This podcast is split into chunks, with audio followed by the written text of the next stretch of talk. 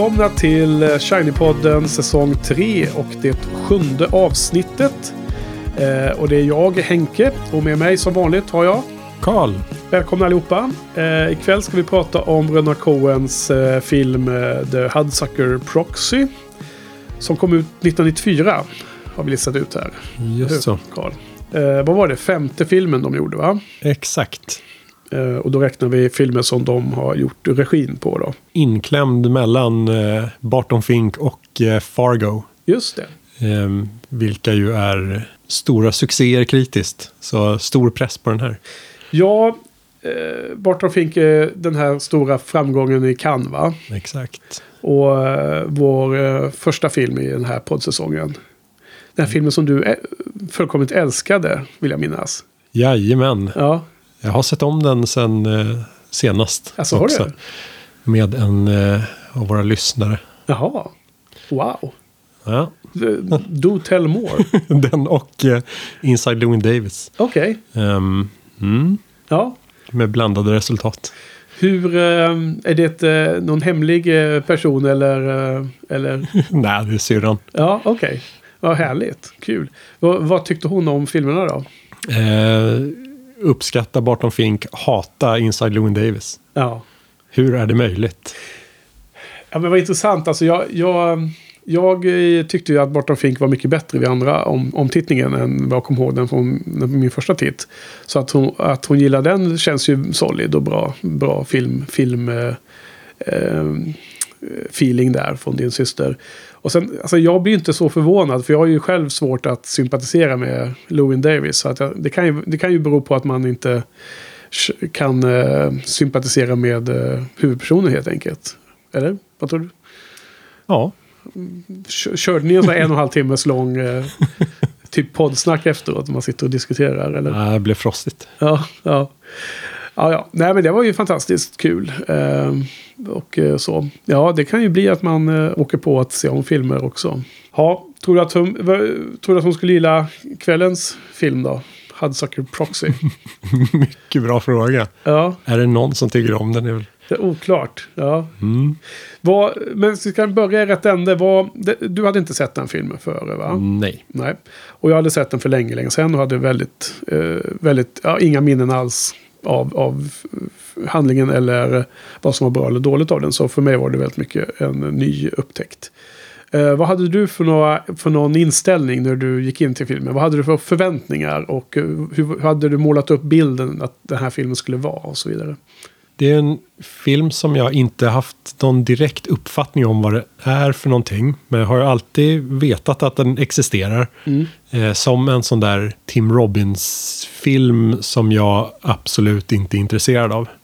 Jag har nog undvikit den någorlunda medvetet. Okej. Och eh, hade nog ganska låga förväntningar får man säga. Särskilt efter att eh, em, The Lady Killers eh, levererade på den skepsis man hade inför den. Ja, just det. Hur mindes du den här? Ja, alltså jag kommer ihåg att jag...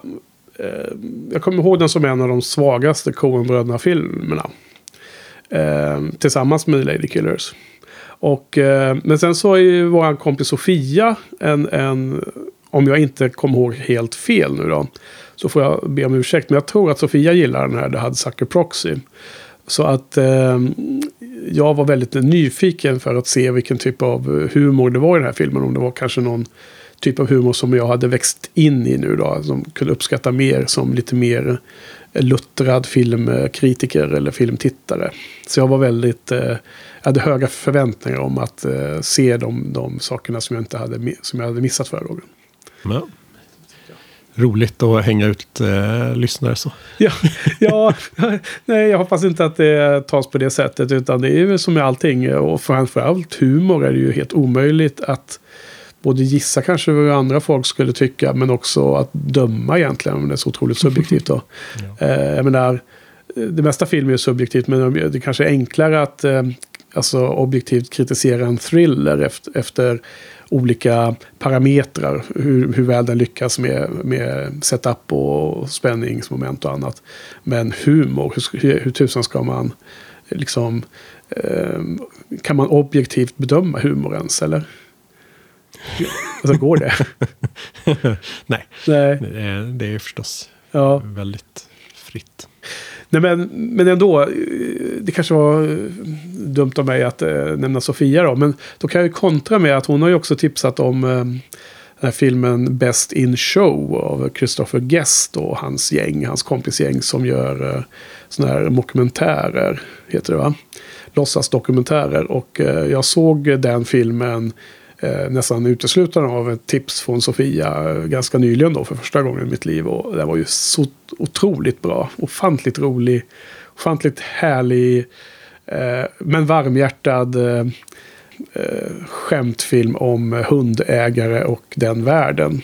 Eh, så det var nästan på gränsen till en fem av fem för mig. Alltså. Jo, jo. Fantastisk. Så att nu har jag balanserat upp lite. Ja. He could have opened the window. Wearing Hudsucker never did anything the easy way. My God, why? Why did you do it? Everything was going so well. What am I, head shrinker? Maybe the man was unhappy. He didn't look unhappy. He didn't look rich. Wearing Hudsucker was never an easy man to figure out. He built this company with his bare hands. Every step he took was a step up. Except, of course, this last one. Okej, så du hade låga förväntningar. Och hur, hur blev det då? Har vi något allmänt omdöme om filmen? Eh, ja, det är väl... ehm, hmm. Det är svårt att avgöra ifall den är eh, sämre än The Lady Killers. Som ju har varit den sämsta filmen vi har sett tidigare. Mm, Ehm, helt klart. Det känns, alltså den är lite mer ambitiös på sina sätt. Ja, Det kan man ju uppskatta. Eh, samtidigt som den var väldigt mycket tråkigare att se. Ja. Så det är definitivt eh, den film som jag eh, tycker minst om av de vi har sett. Ja. Här. ja eh, håller med om det här att den är ambitiösare i sitt eh, an, anslag, känns det som. Eh, jag tycker att det finns ett visst antal roliga scener som är roligare än de roligaste i The Lady Killers. Men eh, eh, de är ganska korta och ganska få. Och helhetsbilden av den här filmen är att den är otroligt dålig. Ja. Tycker jag. tycker jag tyvärr. Ja, jag, Olyckligt. jag fattar inte filmen alls. Men ska vi, vad, vad handlar den om? Ska vi dra en kort synopsis eller en lång? Är Vilket som. Du, du, du får eh, uppgiften. Ja, med nöje. Mm. Ehm, den inleds ju med att eh, en eh, någon sorts affärspamp, Hudsucker, hoppar ut genom fönstret i en skyskrapa under ett styrelsemöte och plaskar ner i, på trottoaren. Ja. En av styrelseledamöterna, spelad av Paul Newman, tillsätter då någon eh, idiot i hans eh, position där som eh, chef för- för företaget. Eftersom han på något sätt ska kunna köpa aktier billigt när den här idioten driver företaget i botten. ja, just det. Ehm, Eftersom man tror att alla den tidigare ägarens aktier ska ut på öppna marknaden, vilket sen visar sig inte stämma på något sätt. När då den här eh, nyutexaminerade fånen eh, spelad av Tim Robbins eh, blir chef så får någon skjutjärnsreporter i uppdrag att göra någon profil på honom. Hon spelas av Jennifer Jason Lee. Mm. Och de blir ju småförälskade eller någonting. Ja, inte riktigt, men eh, ja, något ditåt. Norville, som Tim Robbins heter, har hela tiden haft någon idé om eh, en cirkel som eh, för Ja. barn Jaha. som man ska lansera. Och det visar sig vara en hula hoop, eller rockring. Ja. Ehm, som då styrelsen gladeligen låter honom lansera eftersom de tror att det är en flopp. Men det blir en stor succé. Det blir en topp. Ja, han eh, får storhetsvansinne och blir en dryg eh, eh, affärspamp själv. Vilket då den här stackars reporten blir väldigt besviken över. Och sen eh, blir han besviken på henne eh, när han får reda på att Hon eh, hade eh, bara varit där för att gräva i vem han är. Mm. Klassiskt. Eh, han får ju reda på det av Paul Newman, eller Sidney Musburger, i ett försök att eh, ja, bara vara taskig. Jaha. Sen råkar Norville eh, trilla ut från skyskrapan någonstans långt upp. Faller mot sin död. Men eh, då stoppas tiden och eh, den tidigare ägaren Hudsucker kommer flygande som en ängel och eh, berättar att eh, denne Norville får ärva alla aktier och så slutar det lyckligt. Ja, så är alla glada. Ja, det, det, är, det är en herrans massa genrer som de försöker mixa här, känns det som. Ja, Eh, i, i, I denna handling. mycket. Eller hur? Ja, väldigt mycket. Eh, jag måste försöka reda ut vilken typ av... Eh, om det finns några filmiska referenser till den här eh, kvinnliga journalisten. Vem hon ska vara egentligen. Eller något sånt där. Är det Mm. någon spaning du har eller? Ja, Jag kände ju direkt att det var lite His Girl Friday. Ja, jag tänkte just på den filmen. Ja, Eh, där, där jobbar båda på eh, tidningsredaktionen. Men det är lite den, den feelingen runt henne. Hon pratar snabbt. Och, ja väldigt, väldigt snabbt. ja. En bra film för övrigt. Vi skulle tagit den istället. Jag är inte så förtjust i den. Jaså, jaha, okej. Mm, jag vet inte om de Ja. pratar för snabbt. Mm. Men eh, annars, eh, ja vad annars är det? Det är, är ju en del andra sådana gamla komedier runt omkring där. Ja, det utspelas 1958 och det, det är liksom... Det finns massa olika eh, influenser känns det som. Som man, man liksom känner på sig att det här är något supersmart filmvetar tjafs liksom. Fast man orkar knappt liksom sätta sig in i vad det är.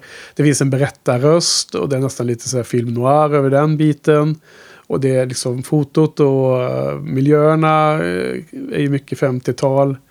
Sen har vi hon då, då och sen har vi mischmass av saker som bara känns för mycket i någon mening. Ja, jag kände dels hela den här eh, affärsvärlden med eh, massa snack om aktier och så driva företag i botten och hålla på med massa lurigt styrelsearbete. Kändes väldigt 80-tal. Ja, Wall, Wall Street och Michael Douglas där då. Ja, eller Alltså- typ Trading Places. Ja, som- Dan Aykroyd-grejer. Ja, Eh, men ja, Jag menar att eh, Paul Newman känns lite som den typen av karaktär som, som eh, Gordon Gecko i ja Wall Street. Ja, Skulle visst. liksom vara Ja. en, en kopia av nästa. absolut. Men sen har man ju då hela eh, inte, scenografin. Det är lite nästan Batman eh, gotik. Ja, inte gotik kanske, men det är så här, lite art deco. Ja, absolut. Bauhaus-grejer, lite Metropolis. Eh, Ja. eh, Absolut, alltså det, det jag satt och tänkte ganska mycket på, och inte minst på grund av den här scenen i början när eh, Tim Robbins får jobb som eh, på, på brev, vad heter det, mailman där nere på ja, internposten. Det är ju att den påminner så om filmen Brazil. ja, verkligen. Terry Gilliams va? Ja. Om jag inte är helt ute. Absolut. Och, eh, men där fullföljer ju de, Terry Gilliam fullföljer sin dystopiska värld fullt ut. Så att man köper den, den för, förvrängda, eh, förhöjt absurda värld som han vill beskriva. Med det, det eh, byråkratiska och fascistiska samhälle som han lever i där. Ja, här är det bara rent Här, här bara skrä, skrapar de lite på ytan och sen hoppar de vidare till nästa tuva liksom i den filmiska kartan känns det som. Ja. Eh, och den är helt orealistisk. Alltså den, den är ju, det är ju någon form av satir, inte, kanske inte satir, men det, det är nästan som en Wes Anderson-film. ja. på det sättet att eh, ingenting är re- realistiskt, men Wes Anderson gör det på ett helt annorlunda sätt. Så jag, jag köper det i hans filmer mycket, mycket, mer- eh, mycket mer utan motstånd. Jag menar, ta mm, The Grand, eh, vad heter det, Budapest Hotel. Där allting är lite så här förstärkt och färgerna är förstärkta och hela melodramat är förstärkt. Och det, det känns inte realistiskt, precis som den här filmen. Men där, där funkar det av någon anledning för mig. Ja, jag har inte sett den, men eh, allt annat av Wes Anderson tycker jag är skräp. Just för att eh, det också är väldigt mycket yta bara. Inget, ja. eh, det finns inget bakom. Ehm, och det som du säger, eh, hela den här filmen eh, känns ju som att det, det ska vara en satir Ja. Om den där affärsvärlden. Men som har konstaterat tidigare så är ju Coen-bröderna helt ointresserade av att göra satir. De är ju väldigt opolitiska, väldigt tydliga med det själva också. Mm. Att de vill ju bara göra en rolig film. Och jag undrar ifall det är där eh, lite skaver. Alltså, vad, för att, vad som är problemet med det här är att de inte gör det fullt ut. Man måste göra det med största allvar. Om man ska göra en rolig satir så måste man gå all in på det. Om man ska göra en sån satir som... Eh, eller en sån förvrängning av verkligheten och skapa en egen... Eh, eh, egen värld. Som Wes Anderson är eh, en mästare på att göra. Som i Moonrise Kingdom eller eh, The Royal Tenenbaums. Eller vilken film man än tar av hans bättre. Då gör han det full, han går all in. Han, han, han liksom, hela filmen dryper av samma känsla. Och det är liksom realistiskt i den världen. Här är det liksom ett halvhjärtat attempt att göra någon, någon lattjo eh, blandning av olika saker. Och, och jag känner inte att det... Alltså antingen är det bara slappt filmarbete. Och det känns ju som att det är okaraktäristiskt av bröderna Coen. För om det är något som är en röd tråd genom de filmerna vi har pratat om hittills. Det är ju att alla filmerna har varit otroligt välgjorda. Och genomarbetade känns det som. Ja. Riktiga filmfilmer. Eller hur? Kan man säga ja, så? Ja, verkligen. Och där, det kan ju vara så att de fick lite hybris här. För de har ju verkligen, vi, vi har ju snackat om tre av de fyra första Ja.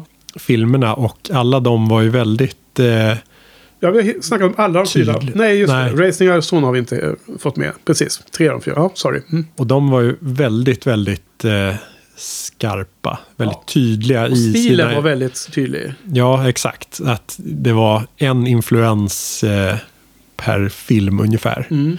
Och här, ja, efter att ha vunnit i Cannes är det ju möjligt att de fick lite hybris och ville göra något lite mer eh, ambitiöst. Jo. Blanda ihop fler av sina roliga saker. Så sägs det väl att de ville göra något lite mer mainstream också. Och nå en bredare publik. What's your pleasure, buddy? 44. 44, the top brass floor. Say, buddy, what takes 50 years to get up to the top floor and 30 seconds to get down? Wearing Hudsucker. You get it, buddy? Say, buddy. Mr. Klein, up to nine. Mrs. Dell, personnel, Mr. 1137. 36. Walk down. Ladies and gentlemen, please step to the rear. Here comes a gargantuan Mr. Greer. Det är helt absurt om de skulle tycka att det här är mainstream. Ja, det var ju en eh, gigantisk flopp ekonomiskt. Och, Ja, det får vi hoppas att det var.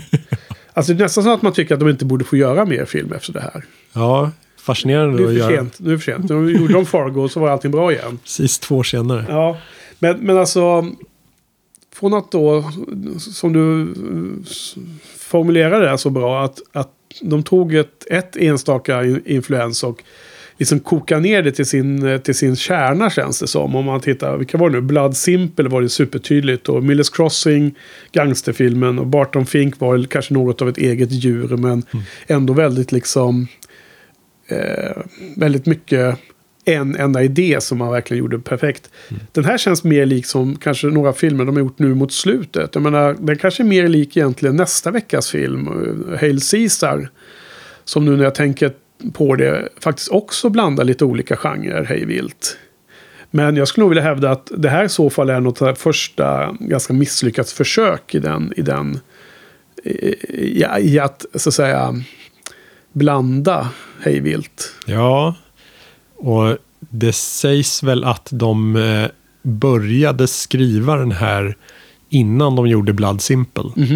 Och blev klara ja, strax efter. Så 85 var de färdiga med det här manuset. Jaha. Men de fick inte göra den förrän då efter Okej. att de hade vunnit i Cannes eh, långt senare. De har skrivit manus tillsammans med Sam Raimi ser jag här på Wikipedia. Exakt. Vad det nu betyder.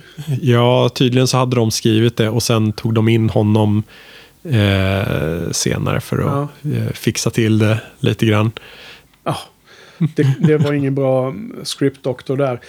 Alltså, om man jämför senare eh, alster så skulle jag säga att Burn After Reading, en annan komedi de har gjort som är så um, förvrängd och som inte är realistisk i sin tonalitet. Precis som The Hudsucker Proxy.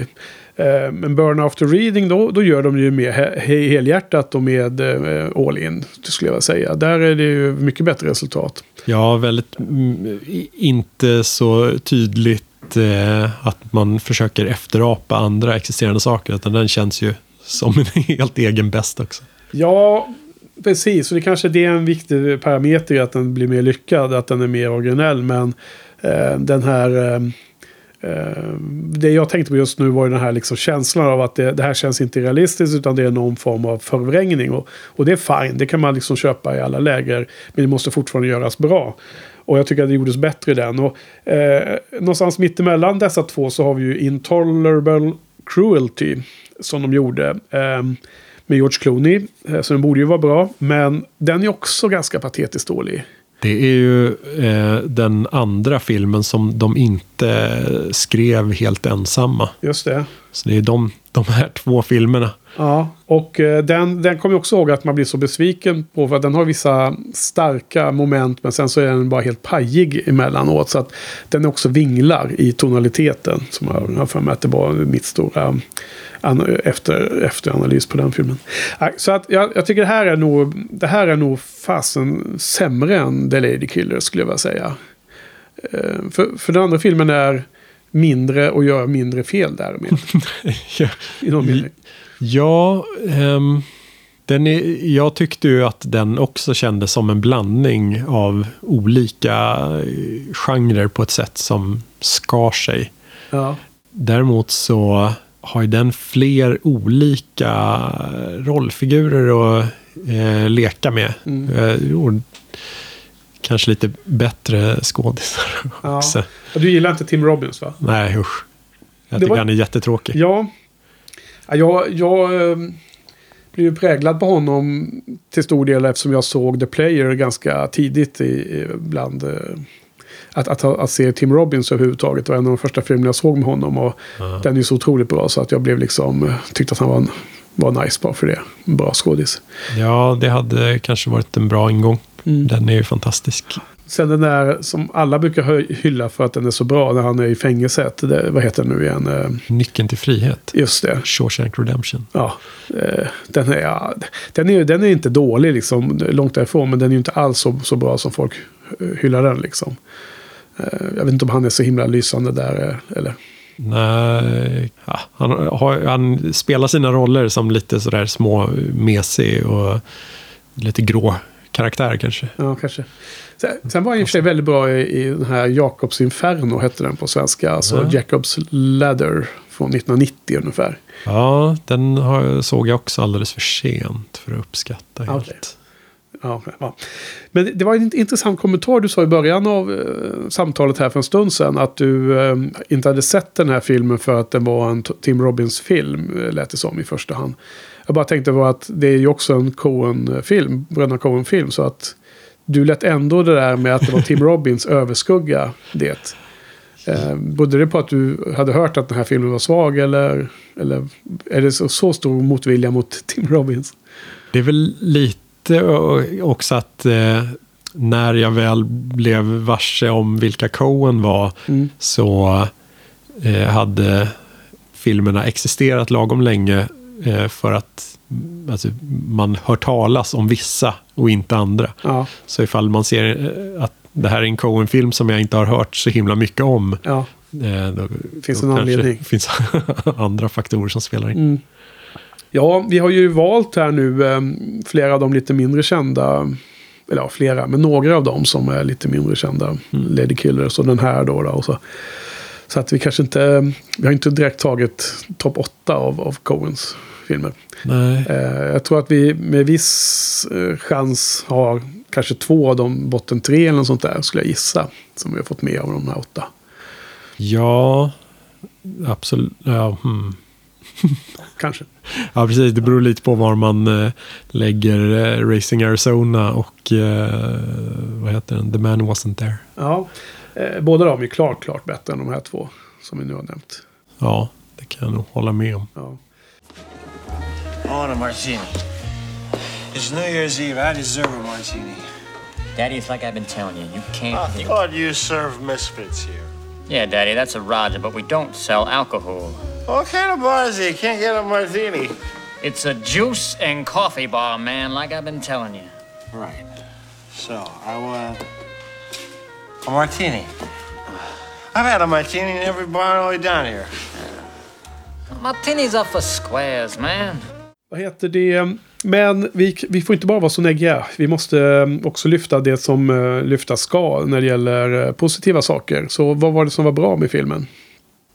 Eh, Paul Newman är ju för härlig. Ja, Han, eh, eller är han det verkligen? Ja, kanske. ja, han har den där eh, isiga pondusen. Ja, Eh, så just, han är ju skräckinjagande. ja.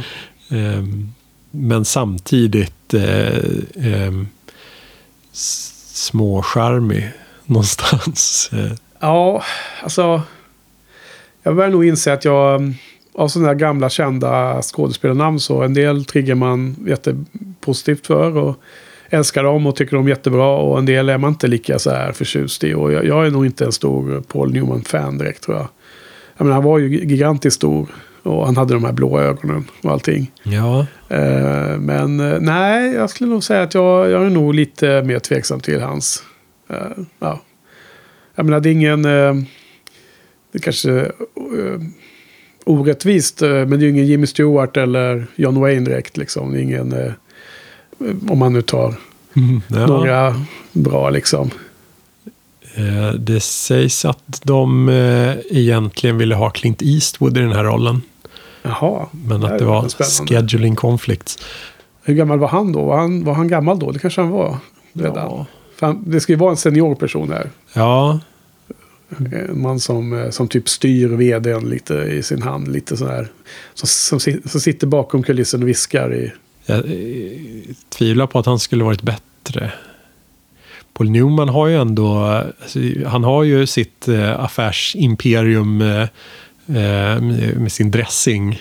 Eh, allt det där. Så det är lätt att köpa honom som en eh, hårdnackad eh, styrelseperson. Ja, Eh, och eh, skönt eh, när han kliver in efter att eh, chefen har hoppat ut genom fönstret så bara han kliver fram och tar hans eh, cigarr. ja, och sen suger han på en cigarr resten av filmen. ja. Ganska roligt. Eh, jag måste säga att en av de allra roligaste scenerna i eh, eh, filmen är när Mr. Hudsucker faller till sin död. Han eh, hoppar ut genom fönstret och dyker ner mot gatan. Och han faller ju väldigt länge. Man får se på, på klockan att det har gått en halv minut innan han landar. Vilket är lite för lång tid mot verkligheten. Men, men det, är- det är en kul detalj.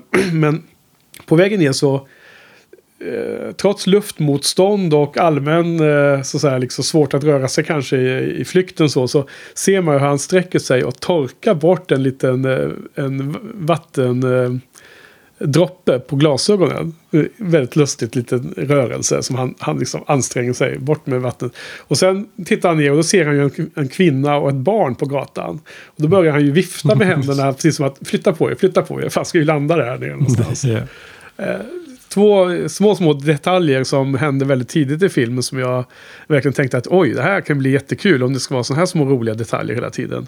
Men tyvärr så tyckte jag att det bara liksom försvann. Det blev, jag saknade de här roliga eh, quirky humorgrejerna som, som hade kunnat göra att filmen liksom klarade sig ändå. Då. Eh, såg du några sådana du, du nämnde att han, Paul Newman kom och tog cigarren var ju en liknande sån liten detalj liksom. Men Ja, andra... alltså små...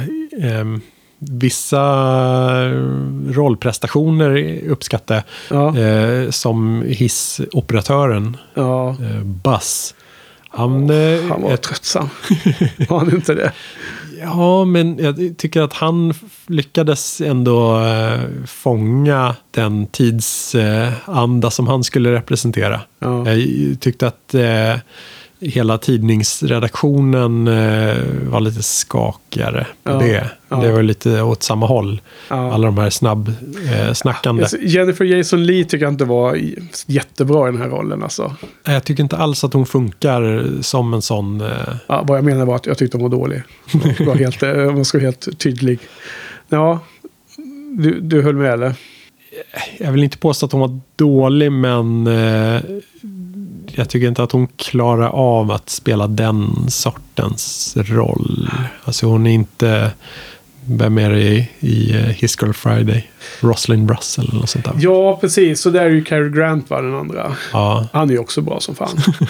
Han är ju härlig.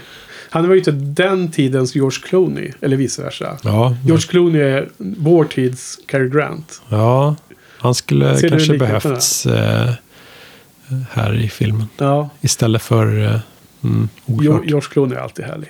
Han skulle varit med istället. Ja, men ve- ve- vem, alltså det fanns ju bara en kvinnlig roll eh, eh, i filmen också, vilket är väldigt eh, udda. Ja, Eh, har de ofta så att det är helt snedbelastat mellan könen, eller? Bröderna Coen. Alltså, Sofia lyfte ju frågan eh, i någon kommentar Ja. till eh, något avsnitt om hur de är på att skriva kvinnoroller. Ehm, ja, det är ju inte jättemånga Nej, eh, normalt. det är Marg, Marge Gunderson, eller vad heter hon Ja. Far, Fargo? Precis. Eh, hon var ju uppenbarligen väldigt välgjord. Ja, det är bara för att hon skriven som en man och som bara bytt namn. Det tycker jag inte. Men det, eh, jag vet inte. Det är, I Big Lebowski har man ju någorlunda eh, lustiga. Men det, ja, det är det är få. Ja, De är väldigt... ja de är eh, ganska dåliga på det. Vi får säga att det, det jag, jag tycker inte att de är dåliga. Jag tycker de som finns är eh, lika välskrivna som deras manliga figurer. Men de är ju färre och har ofta mindre roller. Ja, Så, mm, men det, är- det är det som är det dåliga. ja, det kan man tycka. För det, är det är väl, eh, hade varit mycket roligare om det var fler kvinnliga karaktärer med i den här filmen, för jag kan säga. För jag tyckte det var extremt tråkigt. Det är ganska få karaktärer överlag. Jo, det är också en, en svaghet. Ja, det blir mycket Tim Robbins. Ja. Jo, nej, jag tycker inte han var speciellt bra den här. Han eh, spelar ju inte... Ja, men det är också tonaliteten i filmen är ju fel. Liksom de, de, han får ju aldrig göra någonting eh, ärligt. Eller som, jag menar mer det engelska, eh, de säger på amerikanska som earnest. Vilken är det bästa översättningen på svenska? Att eh, göra det o, o, eh, oförvanskat, så att säga. Eh, Ja, men bara den här scenen när han är uppe hos eh, Paul Newman första, första gången. Vad heter han? Norville, eller vad sa du han hette? Ja. Ja. Han kommer upp där och tuttar eld på kontoret och öppnar fönstret i slutet så, här, så att eh, kontraktet flyger ut. Så det, det är bara pajaserier hela tiden. Och det, det kan ju funka en sån scen eh, om det hade varit en film som gjorde det fullt ut och till fullo. Precis som jag sa för en stund sedan och var inne på. Men jag tycker de, de svajar hela tiden i den här. Ibland är det annorlunda feeling, och ibland är det en tredje känsla och så vidare. Och eh, bygga det collaget, då får man göra det mycket, mycket bättre för det ska liksom slå igenom som ett bra slutresultat. Ja, Nu blir det bara gammalt klassiskt eh, svenskt ordspråk, varken hackat eller malet, nej. tyckte jag. Mm. Jag menar, den scenen han är uppe där och springer runt, det är nästan en, en Charlie Chaplin-sketch liksom. Men utan, utan hjärtat som Ja. Cha- Chaplin har i sina filmer och karaktärer. Ja, eller någon Marx bröder. Ja, Ehm, det. det hade de eh, lyckats eh, hålla den tonen mer så håller jag med om att det hade nog kunnat bli bättre. Ja, eh, kanske. Oklart, men de gav, gjorde aldrig det, tog aldrig det beslutet. Så. Kan det vara att de var att de famlade, att de var osäkra? Du, du nämnde att manus skrevs väldigt tidigt och, och jag menar, det är väl inte helt orimligt att man är inte i sitt bästa slag i det första försöket man gör inom ett, eh, ett yrke. Liksom första gången man gör Nej, en sak. precis. Och just eh, Eh, ja, dels den orutinen och försöka väva in en massa av sina influenser. Men det är också en eh, stor varningsflagga när ett manus blir liggande länge och sen plockas upp när man har haft eh, framgångar. Ja, på annat ja. På Ja. andra filmer. Och då blir man så känd så att man får göra vilken skit som helst liksom. Ja, för här fick de ju fria händer Ja. göra vad de ville och eh, tackade tydligen nej när eh, alltså de hade ju testvisningar och producenterna tyckte att de kanske skulle anpassa sig efter dåliga testresultaten och ja, Coen-bröderna sa nej. Jaha. Ja, okej. Alltså det, det låter som att de är jäkligt pretentiösa här. Att de, de eh, kommer ut från filmskolan och har lärt sig att nu ska vi göra en eh, mashup med olika gamla genrer och visa hur jäkla styva vi är på att förstå alla, alla special eh, inom branschen och eh, visa oss på styva linan. Men det faller pladask liksom. Ja, det är väl hå- hårt men eh, Ah, idioter, det är de. nej. Jo. Men, eh, Nej, nu är de på den dåliga sidan. Nu är de inte favorit längre. Bröderna Coen. Så där, så där kan man inte bete sig. Jo då, ehm, man måste ju få vara ambitiös och eh, misslyckas någon gång ibland. Jo, jo det är i sig sant. Tack Du, hade en bra, en bra svar på det. Nu, nu var de bra igen. Nu är de ja. Men eh, något Tim Robbins eh, imponerar med var ju hans eh, förmåga att eh, eh, snurra runt den där hula hoopen. Jösses vad han stod och körde. ja, men du, det var någonstans, någonstans mot slutet eller? Ja, Eller- i mitten. Början av andra halvan? Ja. ja då sov jag lite. Ja, ja. För att jag, när jag spolade tillbaka sen så såg jag plötsligt att det var någon sång och dansscen också. Där Peter Gallagher kom vara inne och sjöng. Va? ja, just det. Då sov jag hela tiden. Men eh, när han presenterar den där produkten för styrelsen och vill eh, få sälja den. Ja. Har tagit fram prototypen så står han ju och snurrar och visar hur den ska användas. ja. Och Han står ju länge och väl och kör på där. Men är det Eh, klippt då? då? Ja, det ser ut att vara någorlunda långvarigt. Fasen, så du menar att Tim Robbins precis som Tom Cruise gör alltså sina, sina stunts själv? Eh, Badass. enligt Wikipedia så eh, ville för övrigt Warner Brothers ha Tom Cruise i den rollen. Men Cohen ville hellre ha Tim Robbins. Tom Cruise hade ju aldrig tagit den till att börja med. Eller? Ja, var var han? 94? 94. Innan Mission Impossible? Ja, Ja. kanske.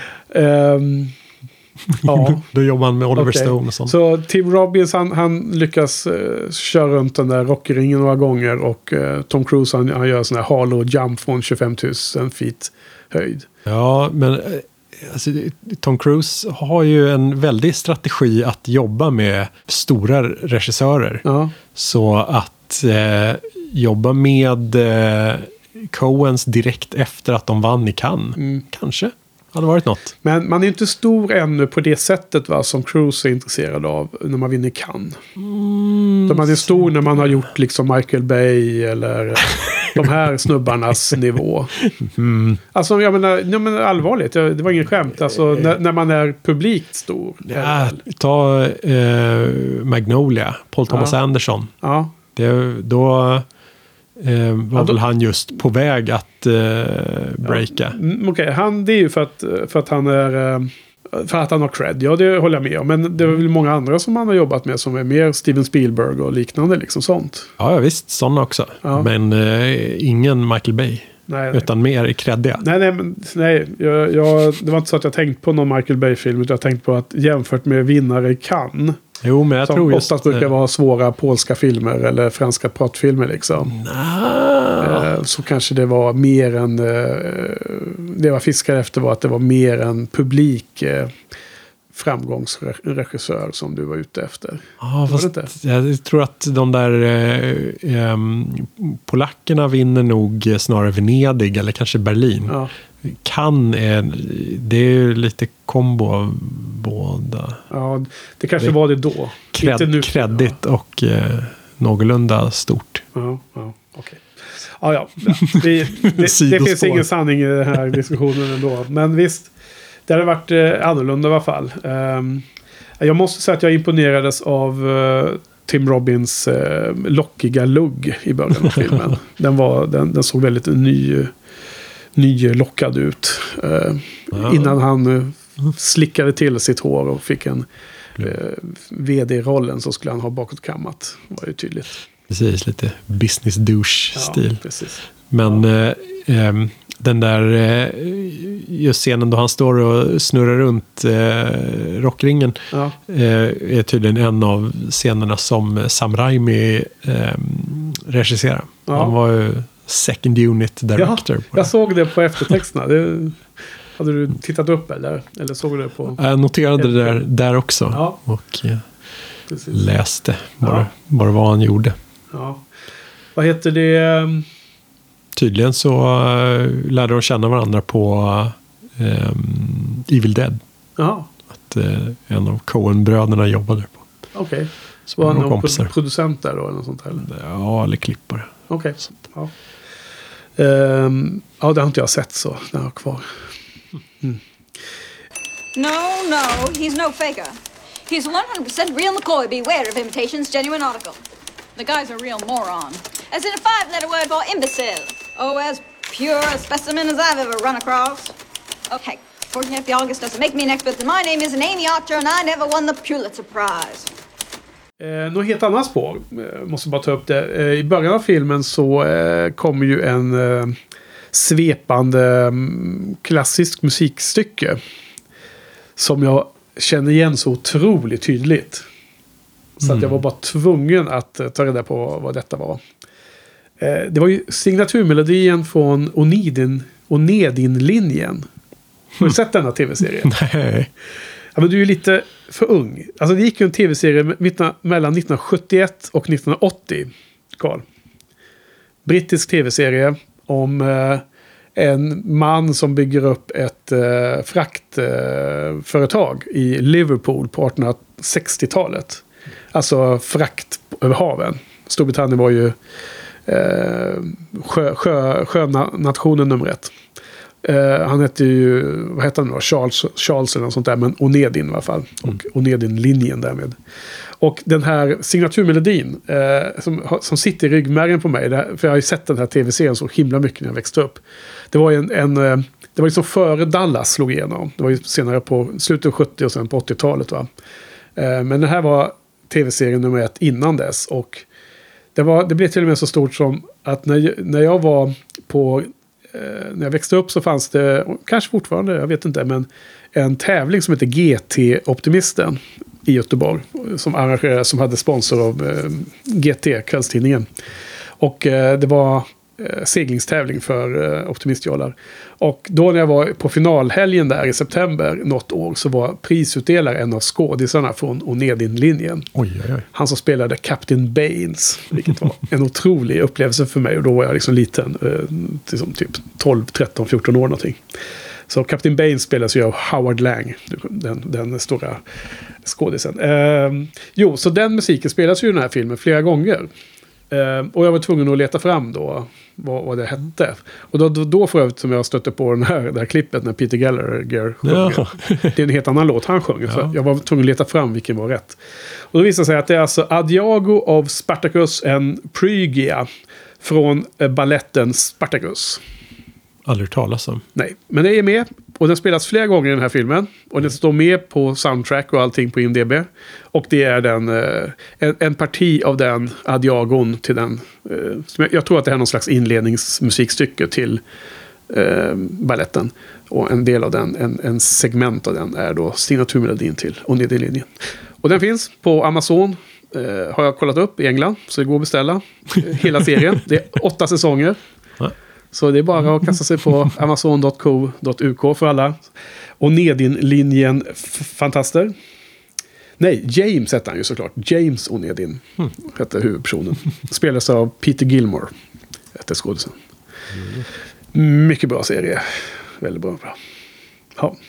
Det var trivia. Ja, Ja. användbart. Ja.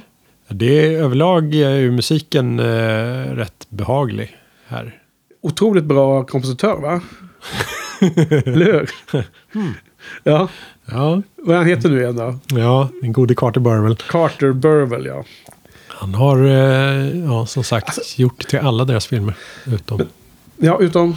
ja, enligt dig, utom uh, No Country for Old Men. Just det. För där har man läst någonstans att det inte finns någon uh, filmmusik va? I. Ja, du säger det. Ja, det måste vi kolla upp sen också någon gång.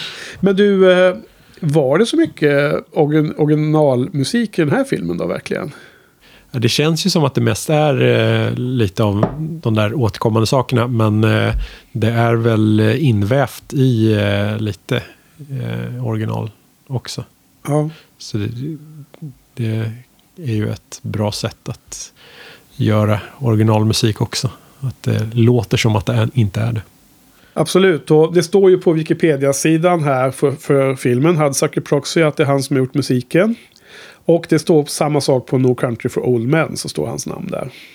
Så eh, men den här informationen om att det inte är någon musik i den filmen är någonting som jag kommer inte ihåg om jag har eh, identifierat det själv eller om jag har hört det på någon podd eller läst det någonstans. Så att det måste vi återkomma till då. Nu ska vi se nu då.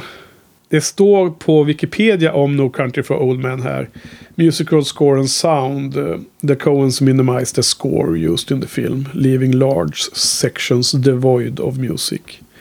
The concept was, was Ethan's who persuaded uh, skeptical Joel to go with the idea och så vidare. There are some music in, in the movie. But after finding that most musical instruments didn't fit with the minimalistic sound sculpture we had in mind, we used singing bowls, klockor och grejer. Ja, jag tror att de har ljud. Jag tror att han har gjort ljud, soundeffekter här mer eller mindre. Men vi får läsa på den. Det var ganska lång. Det var flera sidor långt eh, underkapitel om ljud, musiken i den filmen. Så att det, det, det finns något att läsa där på Wikipedia. Okej, så det var, det var inte helt korrekt då. då. Um, åter till um, Hudsucker Proxy, tyvärr. Vi får slitas tillbaka den här filmen. Jag har nästan inte skrivit några notes alls. ehm, för jag tycker att den var så um, oinspirerande uh, dålig. Att man inte riktigt var peppad liksom att mm, djupdyka ner i den då. Nej, Var neggig bara känns det som. Ja, det händer ju väldigt lite. Och det är väldigt få scener som verkligen eh, griper tag i en. Få eh, rollfigurer också. Ingen scen grep tag i mig liksom, känslomässigt. Men jag är aldrig eh, engagerad i vad som hände på scenen. Eller vad säger jag heter på, på, på, på skärmen, på, på, på filmen. Nej.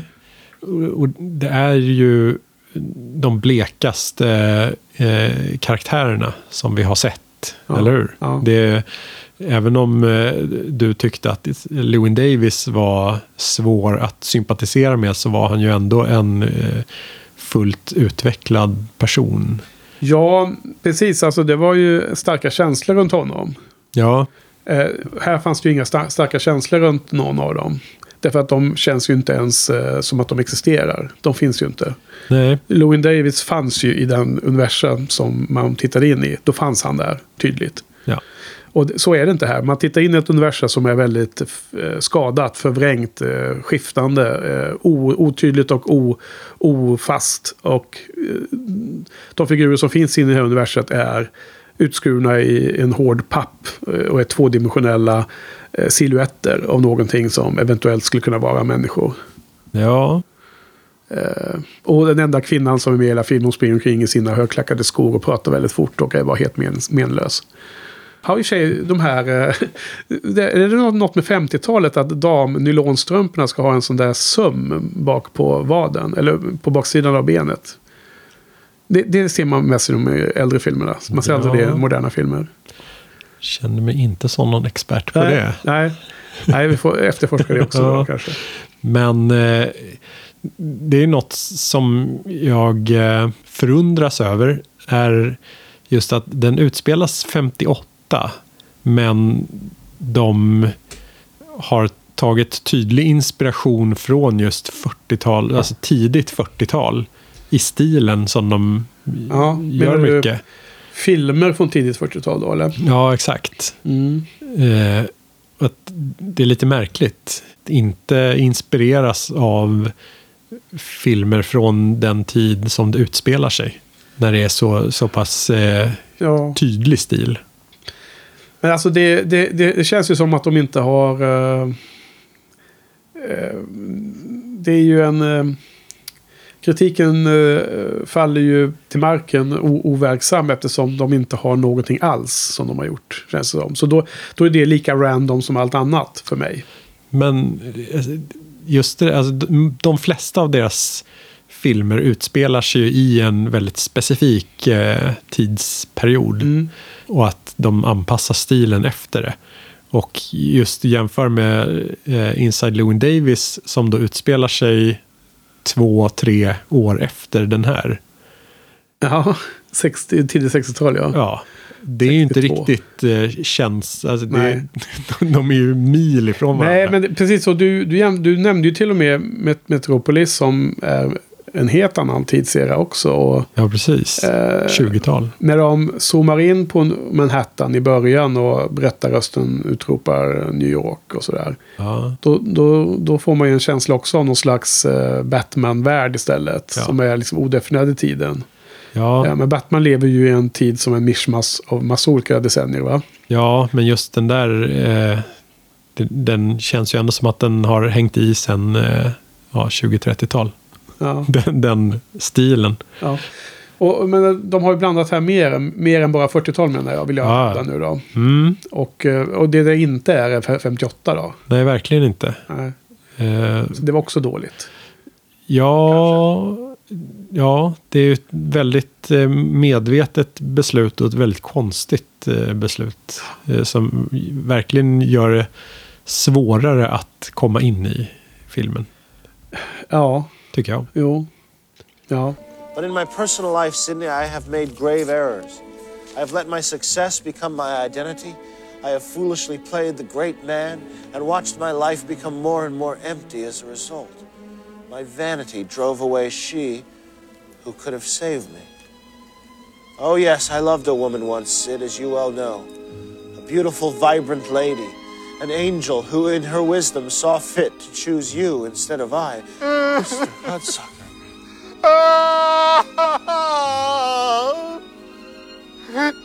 Skip this part. Next page. Next page.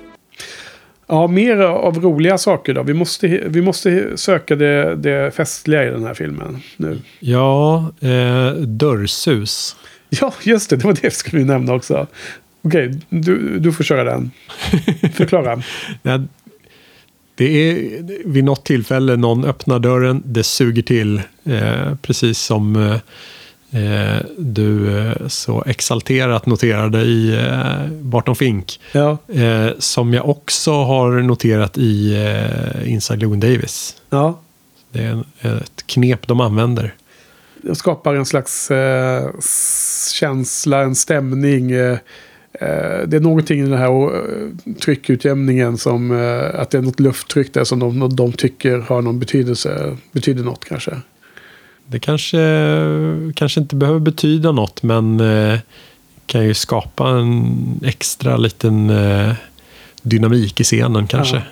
Ja, nej, det var ju eh, snyggt gjort att klippa in det lite i eh, Barton Fink-programmet. Så det, eh, där, där har ju lyssnarna eh, bekantat sig med det här eh, speciella dörrsuget som vi pratade om. Eller luft, luft, ljudeffekten av att luften som, som, som eh, eh, rusar. ja. Ja, men det var ju en liten kommentar. Ja. Och fler Barton Fink-kopplingar eh, ifall du eh, satt och blängde på rolllistan. Uh, End credits. Nej, Nej, så dyker Carl Mundt upp i en roll. okej. Han eh, gör rösten eh, till någon newsreel. Någonting. Okej. Någonstans. V- Vem var han i Barton Fink då? Eh, mördaren. Spelad av John Goodman. Ja, ja. Jaha, okej, så det är en eh, karaktär som de har haft med. Ja, Karaktärens namn från Barton Fink är med i... ja. Okej, Det är John Goodman som gör rösten han? alltså. Men, Jaha. men credited som Carl Mundt. okej. Ja, men då var ju det... Då har de ju givit en liten extra info där om vem, hur man ska tolka slutet av Barton Fink då. Eller hur? Mm. Om man, om man liksom kan eh, Vi, vi, vi, vi, diskuterar lite Barton Fink hur mycket finns alltid i hans huvud eller eh, finns grannen och en, vem, vem är den egentliga mördaren och sånt. Så att det kanske är en liten ledtråd där, en liten Easter Egg-ledtråd. Ja, det, är deras eh, syn på John Goodman. Ja, ja. Det. Men det var inte han som var själva berättarrösten. För det var ju den här svarta eh, eh, skådespelaren som jobbar inne i klockan där. Eller jobbar med Just han som räddar honom när han stoppar klockan. Det är väl han som är berättarrösten va? det tror jag. Ja. Jag kommer inte ihåg vad han heter den skådisen. Men han, man känner igen honom i alla fall. Fotot är väl okej va? Det måste ju vara bra eftersom det är Roger Deakins som har fotat detta. Ja, det känns så himla fake alltihopa. Mm. Men eh, visst. Lyckas med fejket då. då. Men eh, det där med att stoppa klockan. Ja. Eh, vad tyckte du om den, det slutet? Det sticker ju ut ganska ordentligt. Ja, jag tycker att det var lika dåligt som allt annat. Men säger jag lite trött. Men, men klart att man blir ju lite så här att man får en vibb av det här It's a wonderful life. eh, Det kommer ner en ängel eh, och hindrar ett, ett, ett dödsfall och så vidare. Va?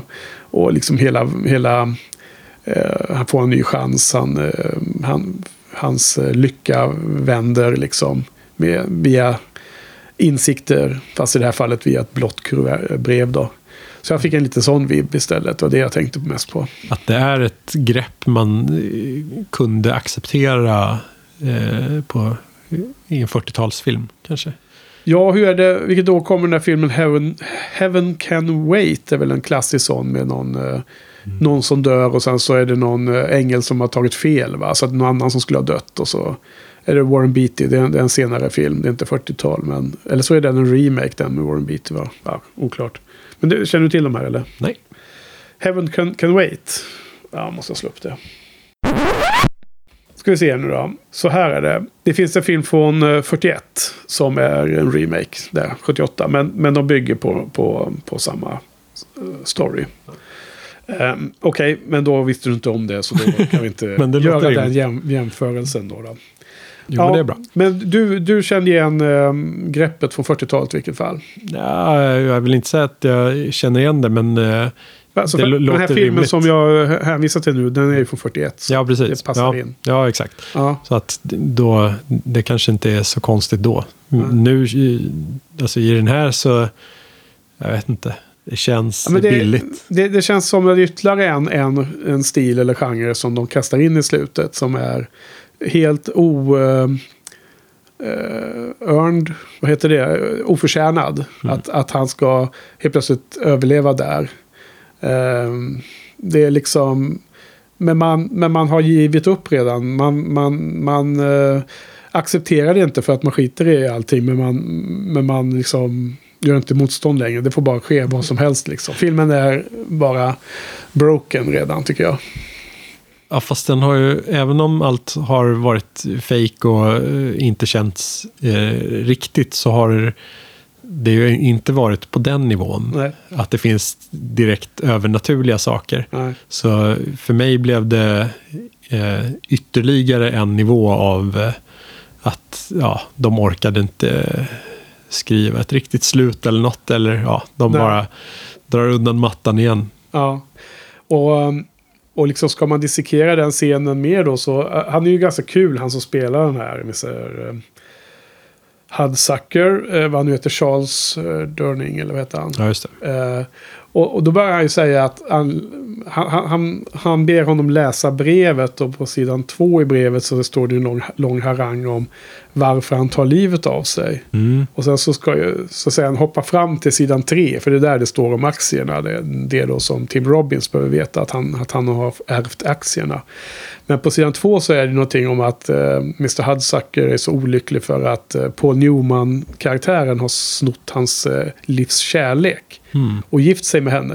Det är också en sån här idé som de bara... eh, Ett litet fragment kastas in men eh, bara helt, helt meningslöst. Liksom, det är bara som... Det nämns står då i, det där, och så, i den här scenen. Och som potentiellt sett kunde ha varit något i filmen. Ja, man hade ju verkligen velat se mer av eh, honom. Ja, Han är ju verkligen eh, bäst. Ja, när han flyger ner i första scenen. Det var ju som sagt kanske filmens höjdpunkt som skedde då efter två minuter in i filmen. Ja. Ehm, och gärna mer av honom. Och, och det känns som att de hade många idéer och eh, de knödde ner så mycket som möjligt till den här filmen. Och vissa saker fick inte ens plats. Och alldeles för mycket eh, blev nedknött i slutändan. Då. Ja, Och så blir det ju nästan som att nu har det gått en timme, 49 minuter och 30 sekunder och vi har bara en 1,50 på oss, sa ju filmbolaget. Så nu får vi avsluta det här. Och så springer han till tjejen och så är alla glada. ändå så hade de eh, full frihet att göra vad de ville. Så det var inte under tvång att de var tvungna att knipsa ner den. Nej, men det var under, under ett bildligt tvång, inte ett bokstavligt. Ja. Men eh, för att hoppa tillbaka till eh, hela grejen med eh, aktiefiffel och grejer. ja, Här 94 så var det väl ingen som brydde sig om en sån historia. Alltså hela yuppie-grejen var avklarad. Och Ja. folk accepterade att eh, man går vidare. jo. Ja, men jag, Eller? ja, ja, väldigt oklart varför man eh, 94 väljer att göra det manuset som du då hade läst om att det skrevs på mitten av 80-talet. Och, och då är det ju kanske mer i tiden. Men hela den här eh, idén som framförs i filmen är ju så vanvettigt idiotisk. Att den hör ju inte hemma i jämförelse med någon av de här filmerna om aktier på 80-talet överhuvudtaget. För att de har ett företag där aktiekursen är hög. Och för att se till att de ska få allt värde så måste de ju ta bort allt värde så att aktiekursen faller. Så att de kan köpa eh, de här frigjorda aktierna från den döda vdn. För att sen då ska värdet vara högt igen. Lite magiskt. Det är liksom, det finns ingen rim och reson eh, i någon, eh, någon verklig förankring i detta. Det, själva idén är så ubåta korkad att det är liksom inte, eh, det är inte ens något man behöver ta på allvar, inte ens i den här filmens konstiga kontext ju. Jag föreställer mig lite att innan eh, Wall Street gjordes så var den eh, ekonomiska medvetenheten på den nivån. Det må, må man kanske cyniskt tycka eller tro, men ja, eh, vanlig enkel eh, grundläggande ekonomiutbildning säger ju att det, liksom det, här, här är ju bara fånerier det här också. Liksom. Vilket gör att hela filmen faller ju ytterligare en gång faller den omkull liksom. I mina ögon. Ja, Mm. vilket fiasko. Ja, det var ju, det var ju en väldig tristess. Nej, jag tycker den här, eh, den här filmen var inget bra. Den här, det här fick eh, fail, eh, tycker jag. The problem the board will have is you hired this woman, you kept her on while she was making a chump out of you. Serious error in judgment. Business is war, kid. Take no prisoners, get no second chances. Har, har du några mer eh, kommentarer där? Eller ska vi, eh, ska vi avslöja våra uttänkta betyg? Ja, På den bistra Ja. avslutningsnoten. precis. Ehm, blir skönt att ta slut på det här. Ja, Ehm, jag börjar bli eh, trött på att prata om Hudson Proxy. ja, Men du kanske har fler notes på andra sidan? Shoot. nej, De är slut. det får räcka. Ja. Ja. Nej, men... Eh, vi får hoppas att jag kommer ihåg fel där angående våran eh, kära eh, väns åsikt om filmen. Eller så får vi se fram emot eh, intressanta eh, avhandling av detta nere i Malmö. Över någon eh, kall öl eller något sånt där. Eh, nej, men jag, jag, jag måste säga att jag, det här var ju ett av fem för mig. Alltså. Jag tycker den var väldigt, väldigt långt ifrån eh, okej. Som krävs för en tvåa. Ja, det är ju ett misslyckande men det är ju eh, ändå ett försök att göra något. Men nej, alltså ja, ett och ett halvt Ja. kan det få. Jag undrade just om du skulle ge en 3,5 där. skulle slingra ur där. Nej men... eh, ja, nej men det är svårt att veta. Men allting är ju... eh, dels relativt vad, vad jämför man med. Och dels är det ju... ja. Ja, nej men det, det var ju intressant. Bara att vi får en spridning på filmerna. Jag hade två filmer som eh, jag kommer ihåg som svaga och det var denna och eh, The Lady Killers. Och eh, jag var väldigt nöjd med att jag var positivt överraskad av La- Lady Killers. Mm. Jämfört med förväntningen. Och sen då att den andra inte då lyfte sig lika mycket. Det, det är bara något man får leva med. Ja, och du har i alla fall... Nu har du sett filmen i alla fall, vilket är ett stort... det är ju bra plus. Ja, ett steg i, Mm. ehm, på vägen till eh, 100% completion. Ja, för nu har du sett alla, alla långfilmer som de har regisserat tror jag, va? Kan det stämma? Ja, det har jag nog. Mm. Eh, oklart om du har sett eh, Paris Je t'aime. Nej, jag har inte det. Nej. För det är så här segmentfilm. Ja. Där de har gjort en liten del av filmen va? Ja. Den rackaren jag har sett och eh, jag gillar inte den genren. Jag tycker det är ganska trist med icke-långfilmer. Eh, det blir inte alls samma känsla och det, det är som, jag, jag, jag ser det mer som en kortfilmer. Eh, mishmash. Men den är ganska okej för att vara en sån genre måste jag säga. Så den är värd att titta på. Men eh, grattis, då har du Antologifilm. fyllt upp, ja, antologi till exempel. Men ehm, eh, kommer de med något nu eller? Eh, ja, det gör de. Eh, I år kommer de slänga upp, oh, vad heter den, på Netflix i november. Eh, The Ballad of Buster Scruggs. Exakt, den låter väldigt spännande. Ehm, Den är gjord av dem, men det är en Western Anthology. Ja. Vad menas med det? En Eh. antologi som de själva gör alla delar av, eller vadå? ja, den har premiär någon gång snart. Typ i Venedig Eh, ja, november 16. på Netflix. På Netflix ja, och Venedig står inte datum här. Sen eh, har, håller de på eller ska göra någon film som de skriver tillsammans med Dennis Lehane. Just det, det ser jag nu. Oklart när den kommer, var, hur långt de kommit. Precis, och vem som ska regissera den står inte på Wikipedia. Men den heter Dark Web. Han är ju, det är väl han som gjort den här uh, Shutter Island och de. Ja, just det. Och Patient, eh, Mystic River väl. Oftast ganska hemska historier. Ja, mörka. mörka. ja. Mm. Eh, mycket regn och mitt i natten. Men eh, bra film. Mm. bra för film. Mystic River var ju för övrigt Tim Robbins med i och väldigt bra tycker jag i den filmen. Han spelar den här, eh, Ja, eh, han var helt okej. vad heter han, um, vad heter han som spelar huvudrollen där? Han som är så jobbig. Uh, Sean Penn Ja, fick ju den mer uh, flamboyanta rollen. ja. Blev så hyllad för den. Men så, jag tyckte att i Mystic River så var det ju Tim Robbins som gjorde den bra rollen. För den var mycket mer komplex och mycket mer återhållsam och så här. Medan uh, Sean Penn skulle uh, gråta så snoret sprö, som uh, rykte och, och hålla på att skrika ha sig. Men det är liksom en enklare utmaning för en skådis, tycker jag. Okej, men du eh, nästa vecka då? Vilken film ska vi ta då? Då rundar vi av med Hail Caesar. Precis, från, 19, eller från 2016. Ja. Och en film som vi såg tillsammans. Tillsammans med våra filmspanarkompisar. Eh, och som jag för mig att du var riktigt eh, eh, positiv över. Jajamän. Gillade skarpt. Ja. Och en film som jag mm, tyckte var bra men inte super super bra. Eh, men som jag i efterhand har gått och tänkt. Eh, Och den har ofta poppat upp i huvudet och jag är jättesugen på att se om den rackaren. För jag skulle En av anledningarna till att vi överhuvudtaget gör den här serien. Precis. Den och um, Inside Llewyn Davis var ju de två filmerna som jag verkligen kände jag behövde se om. Um, nu var det ju lite synd där att Inside Llewyn Davis blev ju inte den här fullträffen i andra titeln som jag hade förväntat mig lite. Uh, men det måste jag ändå tillägga att jag, jag trodde av de två så var jag ändå eh, lite mer osäker på Inside Lewin Davis. Eh, just för jag kom ihåg att det fanns, eh, det var en annan typ av problem som jag kom ihåg. Den, och, det, och det kvarstod det ju att jag var lite kall mot den karaktären. Men Hail Caesar ser jag fram emot mer och, och så. Det är väldigt många roliga skådespelare med i den filmen också. Ja, det är det verkligen. Har jag för mig.